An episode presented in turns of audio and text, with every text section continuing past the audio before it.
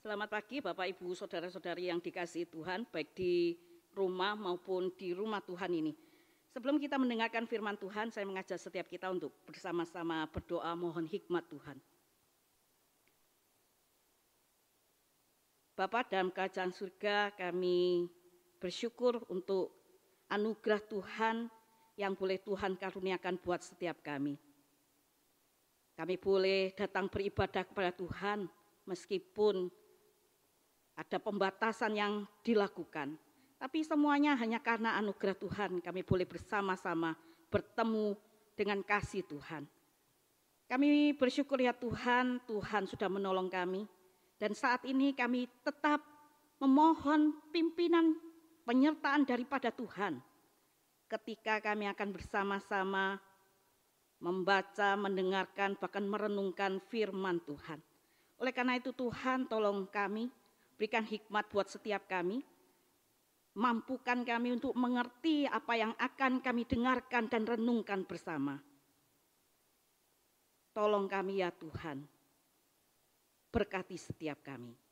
Berkati hambamu yang penuh dengan kelemahan. Supaya sungguh-sungguh firman Tuhan saja yang boleh diberitakan. Terima kasih Bapak kami serahkan waktu ini hanya di dalam tangan kuasa Tuhan. Di dalam nama Tuhan Yesus kami sudah berdoa. Amin. Saya mengajak setiap kita, mari kita buka firman Tuhan. Roma 1 ayat 1 sampai yang kelima. Kemudian kita lanjutkan Roma 3 ayat yang ke-23. Roma pasal 1 ayat 1 sampai ke 5. Jika sudah mendapatkan, saya akan membacakan buat setiap kita.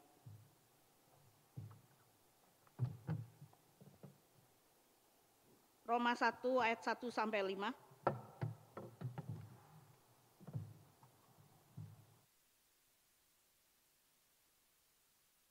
Demikian firman Tuhan dari Paulus hamba Kristus Yesus yang dipanggil menjadi rasul dan dikuduskan untuk memberitakan Injil Allah. Injil itu telah dijanjikannya sebelum dengan perantaraan nabi-nabinya dalam kitab-kitab suci tentang anaknya yang menurut daging diperanakan dari keturunan Daud. Dan menurut roh kekudusan dinyatakan oleh kebangkitannya dari antara orang mati. Bahwa ia adalah anak Allah yang berkuasa. Yesus Kristus Tuhan kita. Dengan perantaraannya kami menerima kasih karunia dan jabatan rasul untuk menuntun semua bangsa supaya mereka percaya dan taat kepadanya kita buka Roma 3 yang ke-23. Roma 3 ayat 23.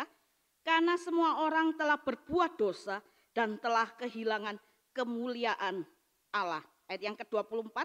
Dan oleh kasih karunia telah dibenarkan dengan cuma-cuma karena penebusan dalam Kristus Yesus. Nah saudara yang kasih Tuhan tadi sudah dikatakan, sudah disebutkan di bahwa tema kita pada pagi hari ini adalah murid Kristus yang berani bersaksi. Nah saudara, kalau dalam bahasa kamus besar bahasa Indonesia, dikatakan bersaksi itu adalah menceritakan kembali kejadian yang sudah pernah kita alami.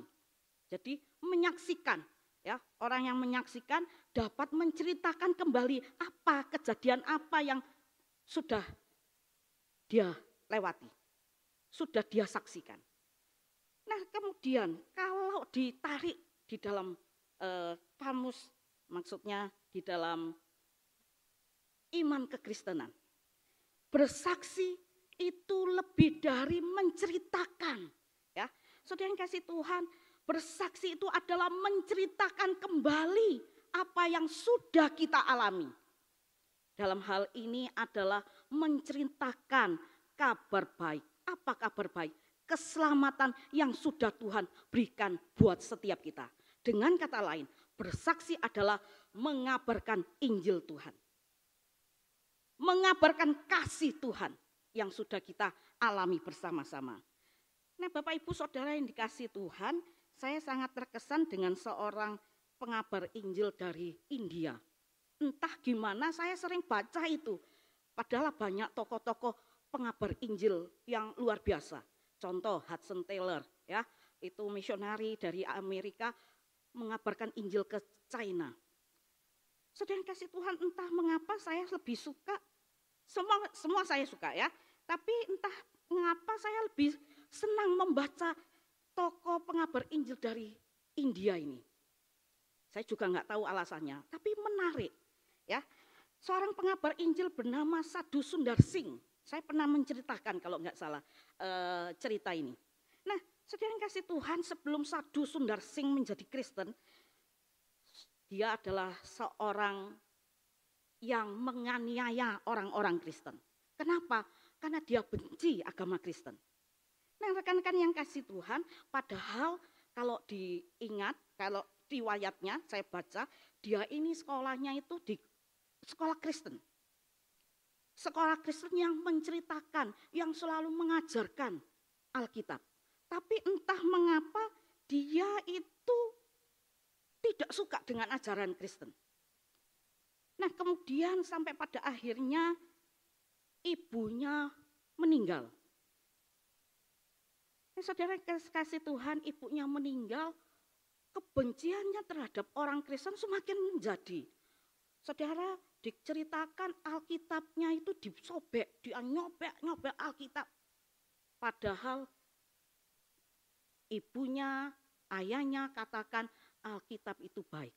Tapi dia sobek sampai habis, lalu dibakar. Tidak hanya itu, dia menganiaya orang Kristen, membenci dan menganiaya. Nah, saudara yang kasih Tuhan, sampai suatu ketika Sadhu Sundar Singh ini merasa takut. Dia sangat diliputi oleh ketakutan yang amat sangat. Agama yang dianutnya tidak dapat memberikan kedamaian buat dia. Tidak dapat memberikan memberikan rasa aman buat dia. Sedang kasih Tuhan Sadhu Sundar Singh ini sangat sedih sehingga dia memutuskan untuk melakukan bunuh diri. Dia mau menabrakkan diri pada kereta yang sedang melaju kencang. Agar dia dapat mati, langsung mati maksudnya, begitu. Tapi sebelum hal itu terjadi, Sadhu Sundar Singh ini diingatkan oleh ajaran Alkitab yang dia dapat dari sekolahnya. Dia berdoa kemudian pada Tuhan. Dia katakan, Tuhan, kalau engkau benar-benar ada, tunjukkanlah Tunjukkan kalau engkau benar-benar ada ya Tuhan. Dalam doanya dia berkata begitu. Dan benar, Tuhan menjawab doanya. Saudara dengan menampakkan sinar, menampakkan diri kepadanya dalam sinar yang sangat terang. Mengatakan, Tuhan mengatakan bahwa Tuhan datang untuk menyelamatkan satu sunar sing. Seketika itu kehidupan Sadhu Sundar Singh berubah drastis ya. Dia berubah, dia menjadi seorang Kristen, melayani menjadi pengabar Injil yang setia dan juga berani. Kenapa saya katakan berani? Sedang kasih Tuhan, selama dia menjadi pengabar Injil, Sadhu Sundar Singh ini banyak mengalami kesulitan, banyak mengalami tantangan. Tetapi walaupun ada tantangan, walaupun ada kesulitan, ya dia tetap menceritakan kasih Tuhan kepada orang-orang itu sehingga banyak orang menjadi percaya kepada Tuhan. Saudara yang kasih Tuhan, satu Sundar Sing punya kerinduan memberitakan Injil, memberitakan kasih Tuhan ke negara Tibet. Nah, saudara di perjalanan, dalam perjalanan ada banyak bahaya yang harus dia alami. Dia harus tempuh pegunungan Himalaya yang sangat curam. Seringkali ya kakinya karena Sadhu Sundar Singh ini adalah eh, pengabar Injil, dia berjalan kaki ketika mengabarkan Injil. Dia sering kali hanya pakai sandal saja, sering kali juga bertelanjang kaki, sampai-sampai kakinya harus berdarah ketika berusaha mencapai negara Tibet itu. Nah saudara kadang-kadang dia juga harus menghadapi bahaya salju, kadang-kadang dia harus juga menghadapi bah buaya eh, maaf maafkan binatang buas sampai buaya ya. Ada macan tutul yang sering kali menyerang dan membunuh para pengembara yang berjalan sendirian. Lebih daripada itu satu sundar sing menghadapi bahaya penganiayaan yang dilakukan oleh penduduk Tibet tetapi semuanya itu tidak mengurangi kesetiaannya, keberaniannya di dalam mengabarkan Injil Tuhan, menceritakan kasih Tuhan kepada mereka yang belum mengenal Tuhan. Nah, saudara yang kasih Tuhan, kalau kita amati kehidupan satu Sundarsing, mengingatkan kita pada seorang tokoh pekabar Injil yang ada di dalam Alkitab kita. Yang tidak lain tidak bukan adalah Paulus. Saudara kita tahu kisah Paulus sebelum dia bertobat. Sebelum dia pada akhirnya menjadi pekabar Injil, bagaimana dia ingin menganiaya orang Kristen di Damsik, dia minta surat, dia pergi ke Damsik hanya untuk menganiaya orang Kristen. Bahkan dia yang juga ikut tanda tangan ketika Stefanus dijatuhi hukuman mati di Rajam Batu. Dia ada di situ, dia muncul di situ. Nah saudara yang kasih Tuhan, kemudian Paulus yang mengalami anugerah Tuhan. Paulus mengabarkan Injil, menceritakan kembali kasih Tuhan yang sudah menyelamatkan dia. Dengan berani satu sudarsing maupun Paulus mengabarkan Injil sampai pada akhir hidup mereka. Nah saudara yang kasih Tuhan, kemudian pertanyaannya apa yang membuat Paulus berani dan setia bersaksi dalam hal ini mengabarkan Injil Tuhan. Ada dua alasan yang membuat Paulus tetap berani. Paulus dan satu Sunarsing yang tetap berani mengabarkan Injil sampai pada akhirnya. Yang pertama, adanya kesadaran bahwa semua manusia itu berdosa dan butuh juru selamat. Nah saudara yang kasih Tuhan, saya akan bacakan di Roma 3 ayat yang 23.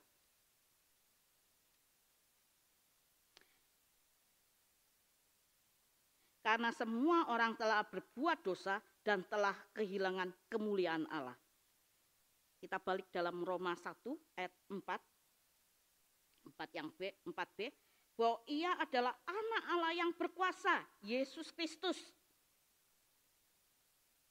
Dan saudara yang kasih Tuhan, kita sadar bahwa sejak manusia manusia pertama jatuh dalam dosa, maka sejak itulah dosa menguasai dan mengikat kehidupan manusia.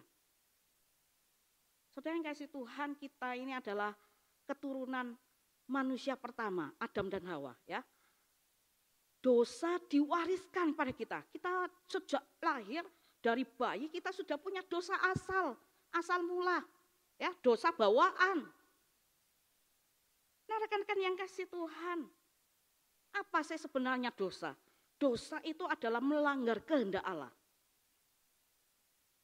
Segala sikap, pikiran, dan perbuatan yang tidak sesuai dengan standar Tuhan itu adalah dosa. Dan dikatakan dalam Roma 3 ayat 23 dikatakan karena dosa inilah mengakibatkan manusia kehilangan kemuliaan Allah. Manusia harus hidup terpisah dari Tuhan. Manusia pada akhirnya harus mati. Mengalami apa yang disebutkan kematian. Apa? Mati apa? Mati rohani, mati jasmani. Nah rekan-rekan yang kasih Tuhan, sehingga karena dosa ini di dalam pikiran perkataan, perbuatan manusia sering kali cenderungnya berbuat dosa. Itu sudah kita alami ya. Sampai hari ini kita tetap di dalam pikiran kita kadang muncul niat jahat, muncul dosa, muncul hal-hal yang aneh-aneh. Mata kita, karena pada dasarnya kita ini adalah, natur kita ini adalah dosa, berdosa.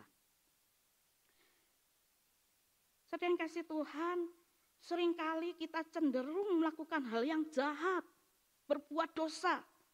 Dan dalam perkembangannya, Kalau kita pahami, dosa semakin bertambah, merajalela di dalam kehidupan kita manusia. Terbukti zaman sekarang ini sudah tampak nyata ya. Kejahatan semakin banyak, pembunuhan semakin meningkat, sudah dibunuh, dimutilasi, dipotong-potong. Bagian tubuh dibuang ke mana dan lainnya. Dosa.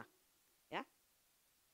Kemudian ada banyak tindak amoral semakin hari semakin meningkat. Eh, sedang kasih Tuhan dengan kekuatan manusia sendiri. Manusia nggak bisa melepaskan diri dari dosa. Karena dosa itu begitu kuat mengikat kehidupan kita. Saudara manusia tidak bisa melepaskan diri dari kuasa dosa sekalipun dia seorang pendeta. Manusia tidak bisa lepas dari ikatan dosa sekalipun dia seorang guru besar, nabi bahkan. Tidak bisa. Dan dalam keadaan seperti inilah kita membutuhkan, kita manusia membutuhkan juru selamat yang bisa melepaskan, membebaskan, bahkan menyelamatkan manusia dari segala dosa. Dan inilah yang disadari oleh Paulus. Inilah yang menjadi kesadaran Paulus bahwa manusia butuh juru selamat. Manusia yang berdosa membutuhkan juru selamat. Juru selamat yang adalah orang yang punya kuasa lebih tinggi daripada manusia. Ayat 4b. Roma 1 4b. Juru selamat yang adalah orang yang suci yang tidak pernah berdosa. Bahkan tidak pernah tidak punya natur dosa. Orang yang sungguh-sungguh mulia, suci. Dan itu hanya bisa dilakukan dalam Kristus Yesus. Juru selamat satu-satunya adalah Kristus Yesus. Yang kasih Tuhan, Paulus sadar bahwa hanya dengan kasih karunia Tuhan sajalah yang dapat menyelamatkan dirinya dan juga menyelamatkan manusia-manusia yang lain.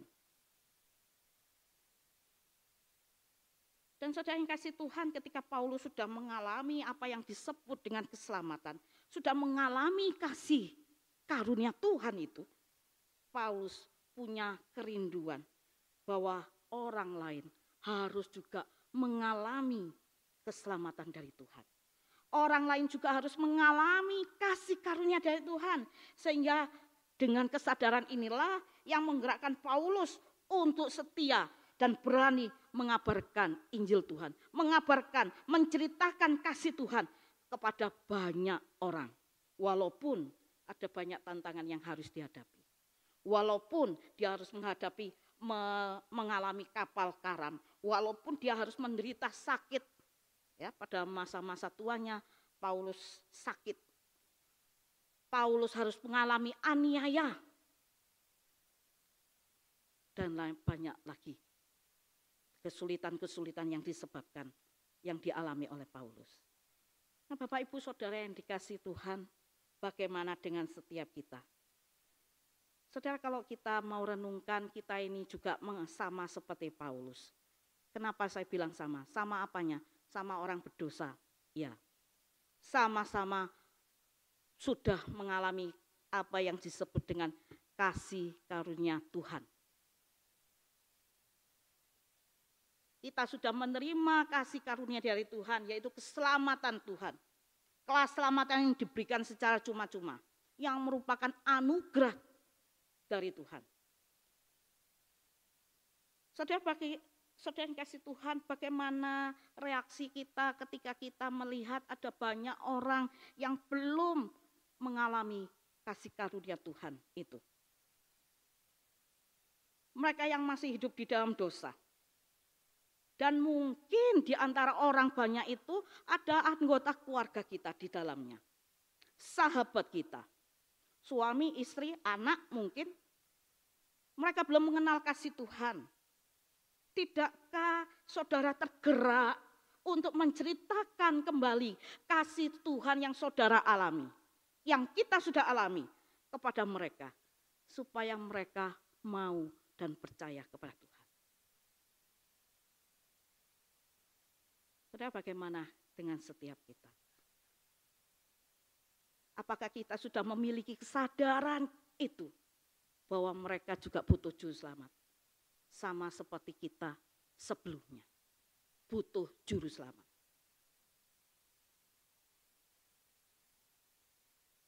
Yang kedua, yang kedua adalah adanya kesadaran anggal akan panggilannya sebagai seorang hamba. Kita bisa lihat di dalam Roma 1 ayat yang pertama. Dari Paulus, hamba Kristus Yesus yang dipanggil menjadi rasul dan dikuduskan untuk memberitakan Injil. Nah saudara kasih Tuhan, mengapa Paulus berani mengabarkan Injil Tuhan, menceritakan kasih Tuhan. Ada yang kedua ini adalah adanya dia sadar, Paulus sadar akan panggilannya sebagai seorang hamba. Nah saudara yang kasih Tuhan, Paulus bukan hanya punya kesadaran bahwa manusia, semua manusia butuh juru selamat. Manusia yang berdosa butuh juru selamat. Tetapi Paulus juga sadar bahwa dirinya ini adalah hamba Tuhan. Orang yang sudah menerima anugerah Tuhan, menerima kasih karunia Tuhan. Saudara hamba Tuhan bukan menuju pada seorang hamba, pendeta atau penginjil saja. Tetapi kita yang di sini, baik saudara yang di rumah, itu adalah hamba Tuhan. Orang yang sudah mengalami kasih karunia Tuhan. Mengalami, menerima keselamatan yang dapat Tuhan. Itu adalah hamba Tuhan. Orang percaya itu disebut juga hamba Tuhan. Nah saudara yang kasih Tuhan, Paulus sadar siapa dirinya yang adalah hamba Tuhan. Dan sebagai seorang hamba, dia harus taat akan perintah Tuhan. Apa perintah Tuhan? Yaitu tidak lain memberitakan Injil. Dalam ayat 1 dijelas dinyatakan. Dipanggil menjadi rasul dari Paulus hamba Kristus Yesus dipanggil menjadi rasul dan dikuduskan untuk memberitakan Injil. Memberitakan Injil Allah. Nah saudara yang kasih Tuhan, ini adalah perintah Tuhan. Nah kalau kita perhatikan di dalam Roma 1, dia memperkenalkan hamba Kristus Yesus ya. Saudara Paulus sungguh-sungguh sadar bahwa dia sebagai orang percaya telah dibeli telah dibayar lunas dengan darah yang mahal. Dengan demikian seluruh kehidupannya, segala sesuatu yang ada pada Paulus bukan lagi kepunyaannya. Sehingga dalam kitab Filipi dia katakan, hidupku bukan aku lagi, tapi hidupku adalah Tuhan. Dia katakan lagi. Demikian. Saudara yang kasih Tuhan, kepunyaan Paulus bukan dirinya sendiri, tapi semua kepunyaannya adalah milik Kristus. Dan sebagai seorang hamba Kristus, ya, hamba kepunyaan Kristus, Paulus menyadari akan panggilan pelayanannya yang khusus, yaitu mengabarkan Injil, memberitakan Injil. Saudara yang kasih Tuhan, Paulus menyadari bahwa sejak semula Tuhan memanggilnya, mengkhususkannya menjadi rasul untuk memberitakan Injil. Paulus menyadari panggilannya itu dan tanggung jawabnya sejak awal pertobatannya. Nah, sehingga kita ketika kita melihat di dalam eh, awal-awal perjalanan pelayanan Paulus, kita bisa melihat bahwa Paulus ya tidak pernah menunda-nunda dalam mengerjakan panggilan pelayanannya, panggilannya sebagai seorang pengabar Injil. Walaupun panggilan pelayanan itu merupakan tanggung jawab yang berat bagi Paulus. Karena dia harus mengalami bahagia, berbagai penderitaan, penganiayaan ketika dia memberitakan Injil. Sedang kasih Tuhan walaupun demikian, Paulus tidak pernah memandang tanggung jawab pelayanan yang dipikulnya ini sebagai sesuatu yang berat ketika dia dia menghadapi tantangan, rintangan, aniaya, Bahkan ketika dia menghadapi bahaya-bahaya yang lainnya. Paulus tidak pernah menyesal. Paulus tidak pernah memandang sebagai panggilannya sebagai seorang hamba ini sebagai beban yang berat yang menyusahkan dirinya. Tetapi sebaliknya, Paulus memandang panggilannya itu sebagai suatu kehormatan yang Tuhan anugerahkan buat dirinya. Suatu kasih karunia yang telah Tuhan anugerahkan kepadanya. Itulah sebabnya kalau kita perhatikan surat-surat Paulus, kisah perjalanan Paulus, kisah penginjilan Paulus, ya baik itu di surat Korintus, Roma dan lain-lainnya, dia kita tidak pernah mendapati bahwa Paulus ini komplain sama Tuhan. Kita tidak pernah mendapati Paulus ini menyesal jadi pengabar Injil. Pelayan Tuhan, jadi hamba Tuhan. Tidak pernah. Tidak ada tulisan itu. Sebaliknya, dia dengan semangat memberitakan Injil dengan berani dan setia sampai pada akhir hidupnya. Yang kasih Tuhan, bagaimana dengan setiap kita sekalian yang ada di rumah maupun yang ada di sini. Sudahkah kita menyadari keberadaan kita sebagai seorang hamba? Hamba Tuhan. Ya, tadi sudah saya katakan kata hamba Tuhan itu tidak menunjuk pada seorang rohaniawan, pendeta, penginjil, mahasiswa praktek, bukan. Tapi sungguh-sungguh hamba hamba Tuhan menunjuk kepada setiap kita yang adalah orang percaya kepada Tuhan. Saudara, sebagai hamba Tuhan, maka haruslah kita melayani. Melayani Tuhan. Mengerjakan seluruh kehendak Tuhan di dalam kehidupan kita. Melakukan semua perintah Tuhan. Dan salah satu perintahnya adalah mengabarkan Injil. Maka dalam Matius 28 tadi sudah jadi petunjuk hidup baru. Karena itu pergilah. Beritakanlah, jadikanlah semua bangsa muridku. Dengan kata lain amanat agung ini merupakan perintahnya Tuhan bagi setiap kita. Yang harus kita lakukan. Memberitakan Injil, menceritakan kasih Tuhan yang sudah kita alami. Sering kasih Tuhan untuk dapat untuk mengabarkan Injil, ya, menceritakan kasih Tuhan. Kita tidak perlu menyeberangi lautan, tidak perlu. Kita tidak perlu naik gunung, turun gunung, tidak. Kita tidak harus pergi ke pedalaman, tidak. Saudara kita dapat menceritakan kasih Tuhan, mengabarkan Injil Tuhan dengan tindakan yang sederhana. Sangat sederhana. Ketika kita dipertemukan dengan orang yang mungkin susah, kita bisa katakan Tuhan mengasihimu. Tuhan mengasihimu. Tiga. Tiga kata. Yang kasih Tuhan, Tuhan sayang padamu. Hanya kata sederhana itu kita sedang melakukan penginjilan. Menceritakan kembali kasih Tuhan. Yang kasih Tuhan, bukan hanya itu. Menceritakan kasih Tuhan dapat kita lakukan dengan tindakan yang sederhana. Tadi pakai kata, ini tindakan. Nah, rekan-rekan kasih Tuhan dalam masa-masa pandemi ini, GKT Nasaret, ya, eh, setiap pagi di info itu dikirimi renungan pagi.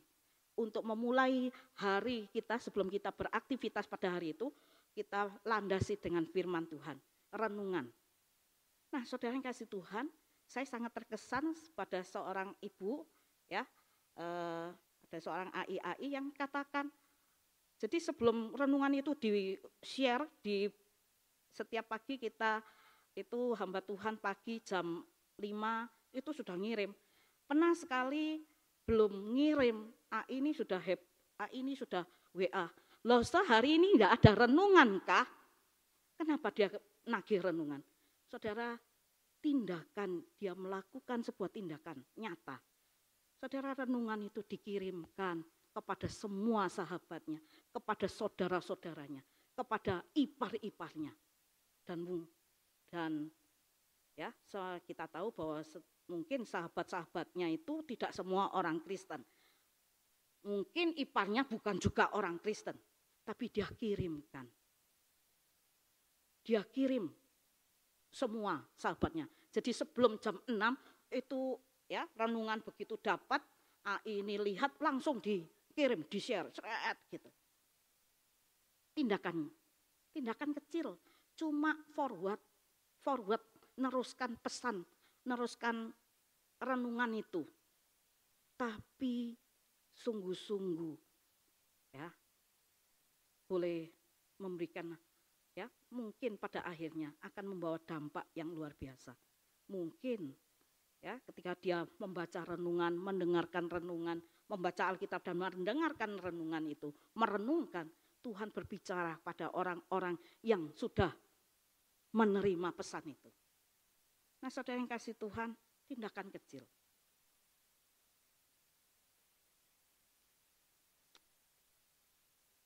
Bapak Ibu Saudara yang dikasih Tuhan, bagaimana dengan setiap kita? Sudahkah kita melakukan baik itu kata-kata yang sederhana maupun tindakan yang sederhana? Sudahkah kita menyadari menyadari dulu panggilan kita dan tanggung jawab kita sebagai seorang anak Tuhan, sebagai orang percaya? Mari saudara yang kasih Tuhan, saya mengajak setiap kita bersama-sama Mari kita bersama-sama memenuhi panggilan kita sebagai seorang hamba. Mari kita mau mengabarkan Injil Tuhan, menceritakan kembali kasih Tuhan kepada mereka yang belum mengenal kasih Tuhan. Mereka di dalam mereka itu, di dalam kata mereka itu, mungkin ada sahabat kita, saudara kita, anak kita, istri kita, bahkan suami kita, orang tua kita. Kiranya Tuhan yang memampukan kita. Kiranya Tuhan sendiri yang boleh memberikan kesadaran buat kita bahwa setiap manusia butuh juru selamat, termasuk mereka yang belum percaya. Mereka orang-orang yang kita kasihi mungkin. Dan yang kedua, biarlah kita boleh memenuhi panggilan kita sebagai seorang hamba, mengabarkan Injil Tuhan, menceritakan kasih Tuhan yang sudah kita alami. Biarlah Tuhan sendiri yang boleh memberkati kita. Amin. Mari kita berdoa. Bapak dalam surga kami bersyukur kepada Tuhan. Sekali lagi Tuhan mengingatkan kami akan panggilan kami sebagai seorang hamba. Yang tidak lain, tidak bukan adalah melakukan kehendak Tuhan dan perintah Tuhan di dalam kehidupan kita. Kami dalam hal ini mengabarkan kasih Tuhan kepada orang yang belum mengenal Tuhan. Tolong kami Tuhan supaya kami juga boleh memiliki kesadaran bahwa semua manusia jatuh dalam dosa dan membutuhkan juru selamat, termasuk keluarga kami, sahabat kami yang belum mengenal Tuhan. Oleh karena itu Tuhan, biarlah Engkau sendiri yang boleh menolong kehidupan kami, kami boleh dimampukan oleh Tuhan menjadi saksi Tuhan yang menceritakan akan kasih setia Tuhan bagi mereka yang belum mengenal Tuhan. Oleh karena itu Tuhan berikan kami keberanian dan tolong kami supaya dengan setia kami boleh menjadi anak-anak Tuhan yang mengabarkan mau punya kerinduan mengabarkan Injil Tuhan. Terima kasih ya Tuhan. Di dalam nama Tuhan Yesus kami sudah berdoa. Amin. Waktu selanjutnya saya serahkan pada